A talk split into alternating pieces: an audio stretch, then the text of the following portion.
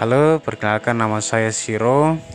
Jadi aktivitas saya sehari-hari selain bekerja yaitu memanfaatkan waktu luang dengan cara mempelajari cara menggunakan aplikasi Blender yang digunakan untuk membuat desain-desain animasi. Jadi bukan Blender yang alat-alat dapur itu ya. Ini adalah ada aplikasi software yang open source yang dapat digunakan untuk mendesain berbagai macam objek animasi oke okay.